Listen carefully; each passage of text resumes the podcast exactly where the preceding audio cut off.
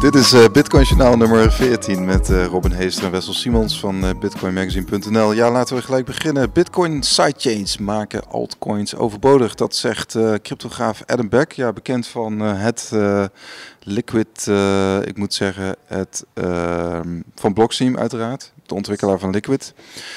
ja, opmerkelijk eigenlijk zegt hij gewoon een aantal kleinere uh, blockchains en ook cryptovaluta zijn overbodig. Hè? Dus ze bouwen vooral op, uh, op, op, op basisnetwerk van, uh, van Bitcoin. Adam Beck staat wel bekend als iemand die heel kritisch is op, op, op ja, eigenlijk ook andere protocollen. Volgens mij inderdaad, hij is een van de, er staan zeven citaten in, in de whitepaper van Satoshi en hij is een, een van de. Um, goed, en hij, hij vergelijkt het eigenlijk met het internetprotocol, hè, de TCP/IP. Uh, en dat andere partijen daar gewoon op kunnen blijven voorbeduren, op, op kunnen bouwen. Ja, het is iets waar we zelf nu ook uh, ondertussen wel achter zijn. Het is gewoon Bitcoin en de rest is uh, op dit moment niet in de buurt van het netwerk van Bitcoin. En ik denk dat, dat we uiteindelijk ook naartoe gaan dat we gewoon met z'n allen op Bitcoin gaan bouwen en vanuit daar verder gaan. Adam Beck zijn bericht of zijn message moet ik zeggen is eigenlijk gewoon ja, laat de rest links liggen en bouw op bitcoin. Nou spreekt hij dan natuurlijk wel een beetje voor eigen parochie, want hij is natuurlijk, waarschijnlijk heeft hij ook genoeg bitcointjes en met Blockstream uh, ja, is hij mede verantwoordelijk voor veel uh, protocol development. Dus het is wel een beetje wij van WC eend, maar ik uh, denk dat hij een goed punt heeft.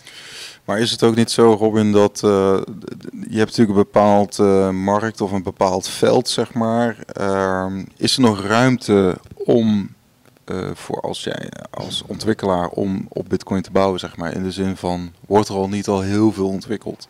Nou, ik denk zeker dat er nog ruimte voor is. Ik denk dat er meer, dat weet ik wel zeker, meer ontwikkelaars bezig zijn met alle andere altcoins bij elkaar dan met Bitcoin. Dus ik denk dat daar nog zat, uh, zat mogelijkheden zijn. Want tegelijkertijd, hoe mooi Bitcoin ook is, er is nog genoeg werk aan de winkel om het gemakkelijker in gebruik te maken of om het sneller te maken en dat soort dingen. Dus er is, kijk, het probleem is dat er op heel veel plekken eigenlijk geen geld te verdienen valt. Als jij als developer, uh, weet ik veel, je bent klaar met je opleiding en je gaat aan de slag, dan is het heel moeilijk om aan een open source protocol als Bitcoin te gaan werken en geld te verdienen. Zonder ICO. Zonder ICO, zonder alles. Gewoon, je, hebt een, je moet een businessmodel bedenken. Zoals bij Blockstream, die hebben gewoon een, uh, met Liquid bijvoorbeeld, willen ze gewoon geld gaan verdienen. Maar daarnaast doen ze allerlei andere dingen, zoals de Blockstream Wallet bijvoorbeeld. Dat is ook een hele mooie. Ik weet niet of het ook op desktop is, maar de Green Wallet. Hè? De Green Wallet, die werkt uh, super lekker. En ja, ik denk dat dat een beetje het probleem is. Tegelijkertijd heeft Bitcoin natuurlijk al vanaf begin af aan alleen maar uh, vrijwillige uh, developers gehad.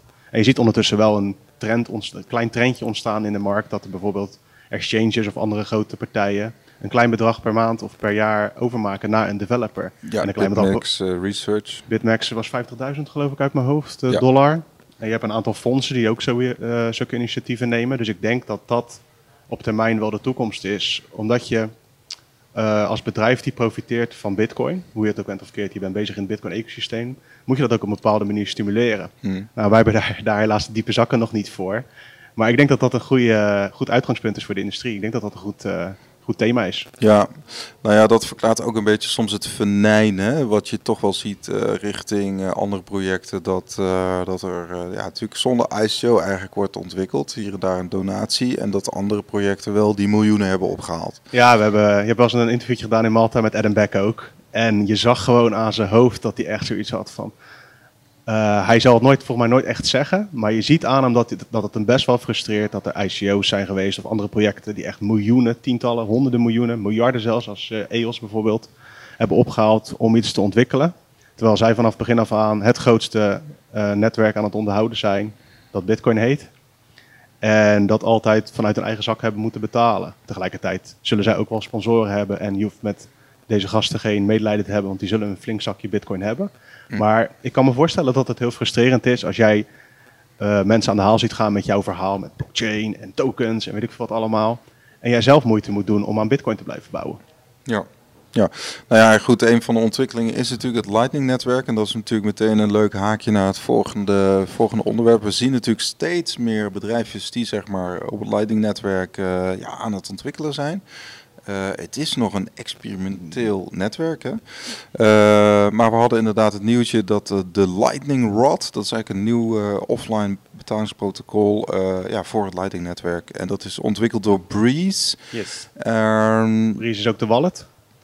En ja. ja die is op het moment al beschikbaar voor iOS en Android. Het is gewoon een Lightning wallet. Gewoon een standaard wallet. Ja, om betaling mee te doen. Ja, en Roy Scheinfeld, de CEO is dat van Breeze, die vertelt tegenover Decrypt dat zij druk bezig zijn met een protocol om offline te betalen met Lightning Network. En dus niet geheel offline. Hij vergelijkt het eigenlijk een beetje met, uh, je hebt bellen. Mhm. Dan, als wij elkaar bellen, moeten we allebei online zijn tussen aanleidingstekens. We moeten elkaar kunnen spreken. Mhm. En we sturen elkaar ook berichtjes. En dan hoeft maar alleen de verzender hoeft er maar te zijn. En de ontvanger die kijkt wanneer die tijd heeft. En dat laatste is hij nu aan het ontwikkelen op het Lightning Network. Waar je nu je Lightning node aan moet hebben staan om iets te ontvangen en te verzenden constant. Kun je nu dus, als je iets verzendt, hem daarna uitzetten. En dan komt het ook aan. Althans, ik zeg nu, daar is de Breeze Wallet mee bezig. Dus het is eigenlijk een soort van uh, manier dat je iets kan verzenden en daarna je telefoon wegdoen en je hoeft er niet meer druk om te maken. Zoals het op het, de basislaag van Bitcoin ook is natuurlijk. Als je je transactie helemaal verzonden hebt bij Bitcoin, dan is het genoeg. Je hoeft niks meer te doen. Op het Lightning-netwerk moet je je node tot nu toe nog online houden. Ja, Oké, nou ja, wel weer een nieuwe, nieuwe doorbraak dus. Uh, ja, ik denk dat dat ook uh, gewoon interessant is voor uh, praktisch gebruik. Denk bijvoorbeeld aan dat je boodschappen gaat doen strakjes in de, ja. in de verre toekomst. Of misschien dichterbij dan we denken. En je stopt even 20 euro in je Lightning wallet. Vervolgens ga je daar naartoe en je, je scant de QR-code en je doet je mobiel weg. Je hoeft niet niks meer te doen. Je bent even online geweest om de QR-code te scannen. Je node was eventjes online via je mobiel en that's it. Ik denk dat dat een, uh, een goede toepassing kan zijn op termijn. Ja, wat, wat is nou eigenlijk het vernieuwende van dat Lightning-netwerk? Want, want het hele idee is natuurlijk dat het een secundaire laag is bovenop het basisprotocol. Dus Ja. dat, dat, dat je dus het schaalbaarheidsprobleem oplost. Eh, Ja, niet oplost, in ieder geval doe dat toe? druk weg te halen. ja, doet het dat eh, tot nu toe? Eh, maar? nou, de, de potentie is er. Kijk, het is niet zo dat we massaal op eh, Lightning zitten met z'n allen. Maar dat komt ook omdat het nog experimenteel is. En voor een, eh, iemand die er weinig verstand van heeft, relatief... Het is niet gevaarlijk. Als je gewoon de regeltjes volgt, dan komt het allemaal wel goed. Maar er is een kans dat je je bitcoin verliest. Als je bijvoorbeeld je node te snel sluit of verkeerd sluit. Ehm, het is experimenteel. ja, het is experimenteel. En wat het eigenlijk doet, het maakt een eh, betalingsnetwerk, een soort van snelwegennetwerk tussen alle nodes. En op deze manier kun je zeg maar op Lightning sneller dingen verzenden dan op de basislaag. Je bent niet te maken met een blockchain of een ander eh, consensusmechanisme. Het zijn gewoon transacties tussen nodes. En in principe kies je altijd de kortste weg. Dus je kijkt gewoon naar, eh, nou, je moet deze de eerste A4 pakken, dan de A5 en that's it. Ja. En dan ga je via nodes, spring je van blokje naar blokje. En dan heb je veel snellere transacties. Je kan sneller waardetransacties doen. Ja, dat netwerk groeit ook. Hè. Je hebt nu iets van 4400 nodes en eh 35.000 eh, betaalkanalen. Dus op Ja. zich, wij, wij kunnen met z'n tweeën kunnen wij bijvoorbeeld ook eindeloze betaalkanalen Ja, openen. In eh, theorie eh, is het zo dat als we eenmaal een kanaal hebben geopend, je hebt in eerste instantie één transactie gedaan op de blockchain van Bitcoin, sinds die transactie zit in de blockchain, om eh, het netwerk te, of om een kanaal te openen. En daarna kan je hem in principe oneindig openhouden als je dat wil. Dus je zou in theorie kan je constant satoshis naar elkaar pingpongen zonder dat je het eh, onderlaag belast. En dat is heel interessant. Dus je zou bijvoorbeeld met een groep vrienden zou je gewoon eh, een, een, een, eigen kanaaltje kunnen eh, starten als je een keer op stap bent geweest. Ja, precies. Als je een tikje wil sturen, kan je dat eh, straks ook gewoon via Lightning doen. En dat is super interessant. Er is ook een grappig dingetje ontstaan. Daar hebben we ook al over geschreven. Er is een, een clone op de markt van, van de populaire game Fortnite. Die heet eh, Light Night. En dat is een hele leuke toepassing op het Lightning Network. Ehm, als mensen elkaar afschieten, dus de score bepaald in de game, is eh, op satoshis. Als jij iemand afschiet, dan win je satoshis. Als je, als je doodgaat, verlies je satoshis. Via het Lightning Network is dat mogelijk, omdat de microbetalingen razendsnel geregeld kunnen worden. Als je dat op de basislaag van Bitcoin zou doen, dan heb je een probleem. Ja, Veel te duur en te traag voor dat, voor deze toepassing. Maar eh, ja, de gasten van eh, Satoshi's Games, of gasten, developers moet ik zeggen, van Satoshi's Games, die eh, kondigden dat aan op de Lightning-conferentie in Berlijn. Dit, dit, dit, dit komt al heel erg dicht in de buurt van het streamen van, van centjes eigenlijk. Ja, het streamen van, van, eh, kleine, ja, Ja. kleine Ik satoshis. denk ook dat dit een eh, leuke eh, ja, proof of concept is om te laten zien dat het werkt en of het werkt. En je kan hier echt allerlei eh, verdienmodellen voor bedenken, voor games. Voor, denk bijvoorbeeld aan die FIFA-pakjes die je nu hebt. Je kan daar eh, digitale pakjes kopen en er zitten dan spelers in. Dat is nu allemaal eh, met geld, gewoon met euro's. Of met dollars, ligt maar net aan waar je woont. Of uh, Ja. Japanse yen kan mij het schelen. Ja. En eh, als je dit kan integreren, dan heeft zo'n bedrijf als EA in dit geval die FIFA ontwikkeld. Geen, eh, geen last meer van banken, maar kunnen ze gewoon zelf een Lightning node runnen. En klaar. Dus in Is dit- theorie is dit echt een, eh, een baanbrekend iets. In de Is praktijk is het tot nu toe niet. van tijd, dit, eh, denk je? Of? Eh, nou, ik ben vooral benieuwd hoe dit zich gaat ontwikkelen. Kijk, wat je nu sowieso gaat krijgen bij Light Night is misschien wel iets geks. En dat is dan eh, dat je misschien wel geld eh, wit gaat wassen via het spel. De vraag is, is dat erg? Ik vind het vooral interessant om te kijken naar of dit gaat werken en of het gebruikt wordt. Dus zo idealiter kun jij je bitcoin zeg maar, via een coin mixer kun jij zeg maar, hem al in een soort eh, centrifuge stoppen. En ja, dan, ga je daarna nog even een potje schieten. en dan is het... Nee, maar ja, dat, zijn, maar dat is meer aan de legal kant. In de praktijk denk ik dat het echt super interessant is om te kijken of dit werkt. Als het werkt, dan denk ik dat het een geniaal verdienmodel is voor verschillende partijen. Nou, omdat je dus die satoshis kun je zo erg ophakken, zeg maar. In- Ja, je kan, ze nog veel, je kan ze nog veel kleiner maken op het Lightning Network. Kleiner dan één Satoshi. Oké, wat waar, waar, waar eindigt het dan? Eh, dat weet ik niet uit mijn hoofd, maar je kan in ieder geval nog minder dan één Satoshi. Nou ja, dat, dat, dat, dat maakt het heel interessant. Dat je de, de eenheden van geld worden gewoon veel, veel, wordt veel kleiner. Ja, en ik heb het eh, nog niet eh, precies gekeken hoe dat zit, maar ik kan me zo voorstellen dat het echt om eh, minder dan een Satoshi gaat als je neergeschoten wordt en als je, als je iemand neerschiet. Ik denk dat het super interessant is om te volgen en ik ben er vooral benieuwd wat hij dan op volgt. Want dit zijn dan de eerste die het op deze manier doen, of de eerste in ieder geval de eerste waar ik mee bekend ben. En je kan dan in-game ook met bitcoin een maskertje kopen voor je karakter en allemaal andere gekkigheid. En daar kunnen ze dan geld op verdienen. Ja. En tijdens de wedstrijd zelf, of tijdens het potje zelf, is het vooral peer-to-peer tegen elkaar constant bitcoin heen en weer sturen als je iemand neerschiet, ja of nee. Nou ja, het, het, eh, wat, je, wat je ermee hebt is dat, dat zeg maar het begrip Satoshi wordt dus steeds meer een term wat je gaat gebruiken in je taal ook. Hè? Ja, Dat- als betaalmiddel. Kijk, ja. voor ons is het nu nog... ook in je taal en, Ja. en met andere mensen. Zoals, want want dat, volgens mij zei Andreas dat ooit toch? Dat geld is ook gewoon taal. Ja. Weet je wel, hoe je met elkaar... Het is gewoon een eh, belief system. Is Ja. niet iedereen het daarmee eens, maar dus zo zou je het kunnen zeggen. En ik denk dat dat heel belangrijk is dat we nu met z'n allen ook aan satoshis gaan denken in plaats van aan bitcoin.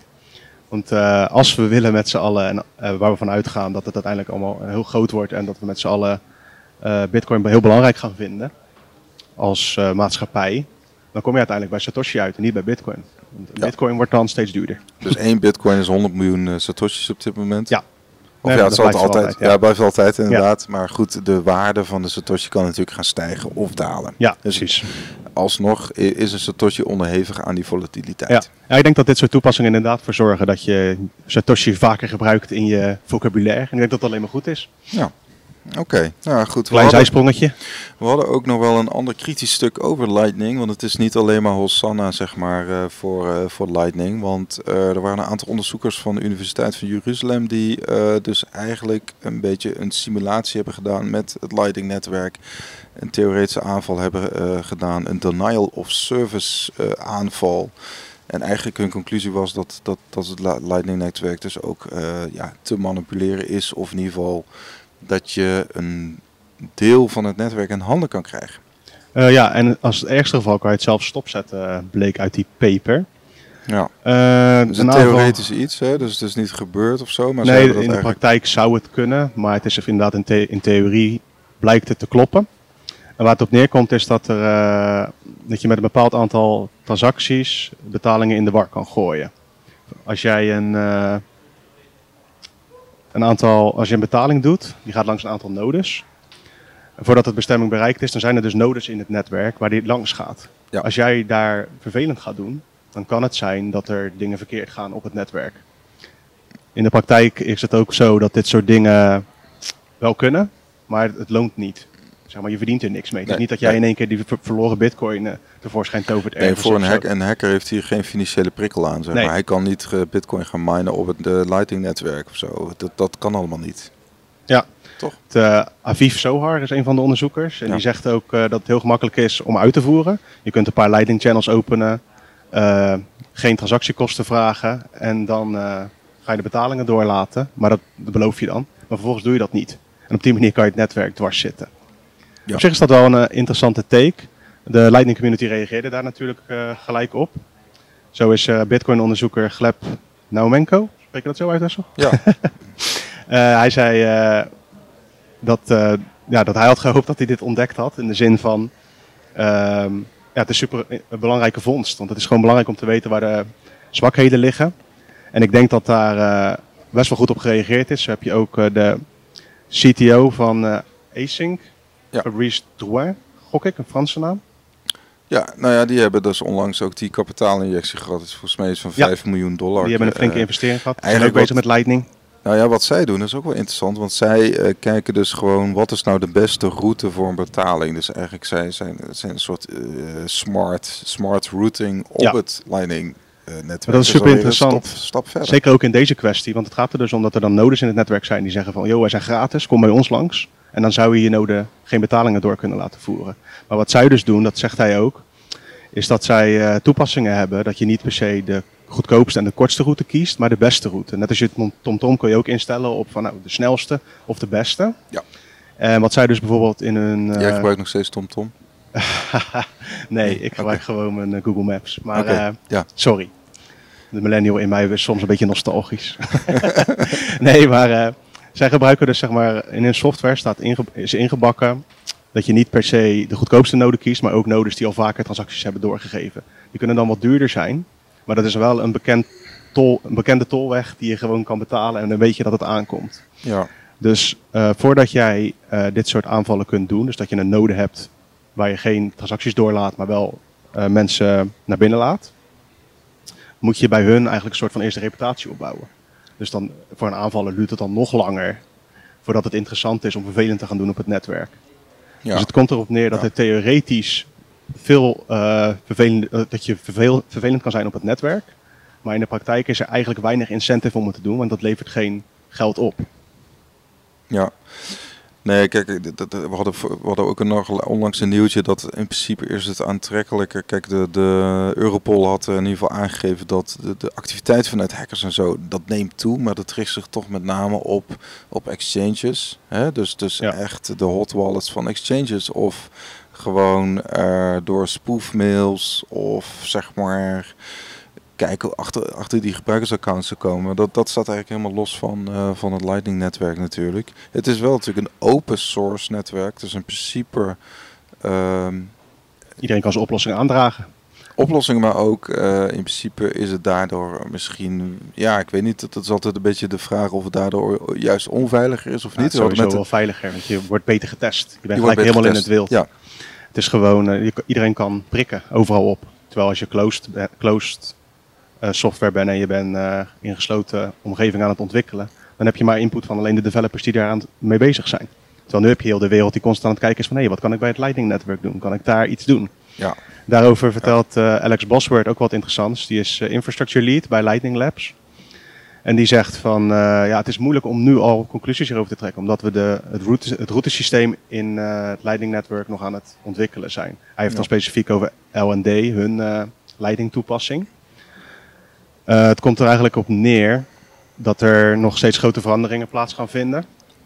Eh, hij zegt van, ik durf niet te beweren dat er een oplossing is die definitief einde kan maken aan aanvallen. Ja, dat kan je, dat kan je nooit zeggen. Nee, dat moet je nooit. nooit zeggen. nee. Eh, het is een peer-to-peer source systeem, een ontwerp, dus iedereen kan meedoen.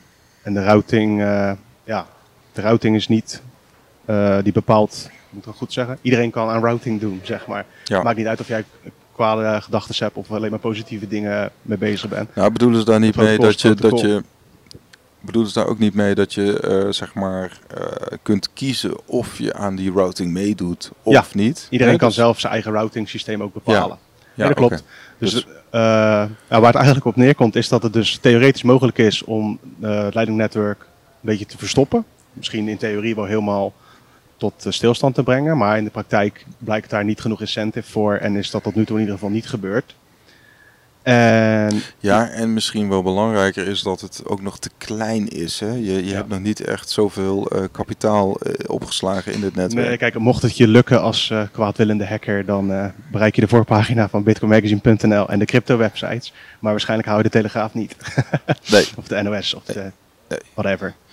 Nee, inderdaad. Dus eh, nou ja, goed. ehm Lightning Netwerk, er was afgelopen eh, weekend natuurlijk in Berlijn ook een grote Lightning conferentie met alle belangrijke ontwikkelaars en bedrijven. Je ziet wel de activiteit rondom dat netwerk is aan het groeien. Hè? Dat, en dat is denk ik dan eh, uiteraard een goede ontwikkeling, maar eh, dat is een vorm van adoptie, kun je zeggen.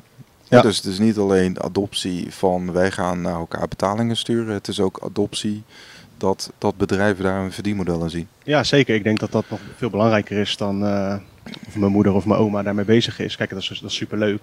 En ik eh, moedig, eh, moedig ze altijd aan. maar het is vooral interessant om te Computer kijken. no. Ja, precies. het is vooral interessant om te kijken hoe deze bedrijven dit gaan oppakken en wat ze er. Want ja, als er miljoenen in geïnvesteerd worden in je bedrijf, je moet ook een verdienmodel hebben. Ja. Je kunt wel bouwen aan het netwerk en lekker aan de, gang gaan, aan, aan de gang gaan, maar er moet geld verdiend worden. En het is interessant om te zien hoe dat eh, zich uit gaat spelen, want zij doen dat dus gewoon op Bitcoin. Met Nou ja, Bitcoin alleen. En de economische wet is natuurlijk ook wel dat we ook een boom en bust krijgen, ook in die wereld. Hè? Dus er, er komt Oh, de ja, de grote partijen Startups die daar... gaan daar ook falen. Ja, ja, maar dus, dus- als zij hebben bijgedragen aan het ecosysteem van Bitcoin, dan, kijk, dan zullen ze zelf niet tevreden mee zijn. Maar voor Bitcoin is dat wel fijn. Dat ondanks dat een bedrijf van wat voor ook het niet redt. Als zij wel software hebben aangedragen en daar hebben we met z'n allen van geleerd, dan is dat voor Bitcoin positief. Ja. Dit Maar is goed voor Bitcoin, is dan de meme. Nee, precies. Maar we moeten natuurlijk niet de illusie hebben dat, dat hier geen geld verbrand gaat worden. Zoals, Oh, nee, hè. Alleen misschien substantieel relatief minder geld dan tijdens de ICO-bubbel. Laten we het hopen. Goed, we gaan het zien. Wie weet waar die eh, investeerders mee eh, geconfronteerd worden straks. Ik had trouwens die inderdaad, die is eh, super interessant, want het gaat over, een, een, over Bitmain. Bitmain is natuurlijk eh, ja, de, een van de bekendste miners ter wereld.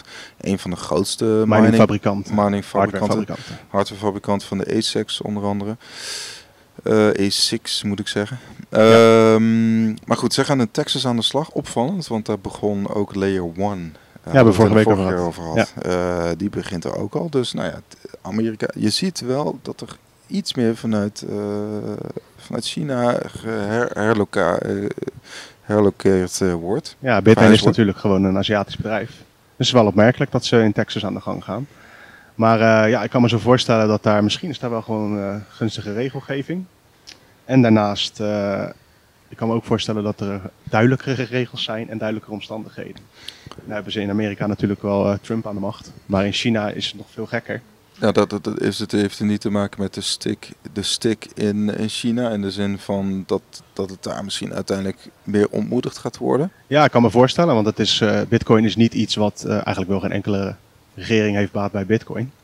Maar zeker een eh, regime als in China, die gaat daar wel flink tegen tegensputteren, denk ik, op termijn.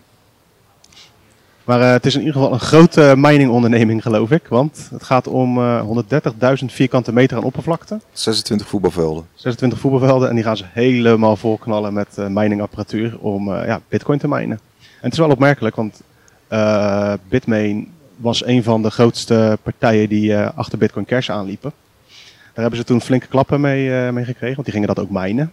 Nou ja, als je de grafiek erbij pakt, dan weet je dat dat niet echt winstgevend is gebleken, gok ik zo. Ruim 80% denk ik nog wel Ja. af. Ja. En, eh, maar nu zijn ze toch weer terug bij eh, Bit, eh, good old Bitcoin. Ehm, en we gaan kijken hoe dat uitpakt. Het is in ieder geval een gigantische onderneming.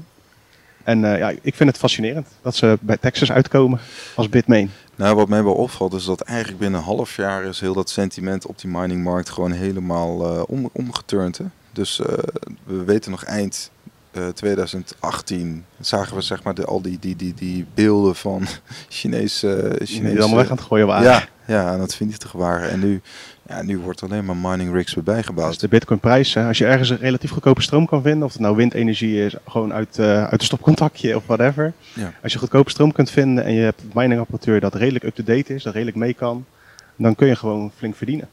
Je had ook, Mark van der Gijs die was ook eh, weer begonnen, toch? Met Ja. minen. eh, Ja, al een tijdje. Hij- nou ja, goed, hij wil dat ook naar de beurs brengen. De Hut Eat inderdaad. In Canada doet hij dat. En eh, nou ja, de, qua kostprijs zitten zij rond de 2800 dollar. Tenminste, dat stond in hun halfjaarrapport. Ja. Eh, want zij moeten als beursgenoteerde bedrijf, moeten zij dat wel melden. Ja. En daardoor hebben we wat iets meer wat informatie erover. Maar ja, mining is dus inderdaad, ja, we zeiden het vorige keer ook al. Het blijft, het is gewoon winstgevend. Ehm, Ja, want dit zijn ook gasten die. eh, van der Gijs is dus iemand die het was, stop, was gestopt met mijnen. En die is weer begonnen omdat de prijs goed genoeg is om hem weer winstgevend te maken. Ja.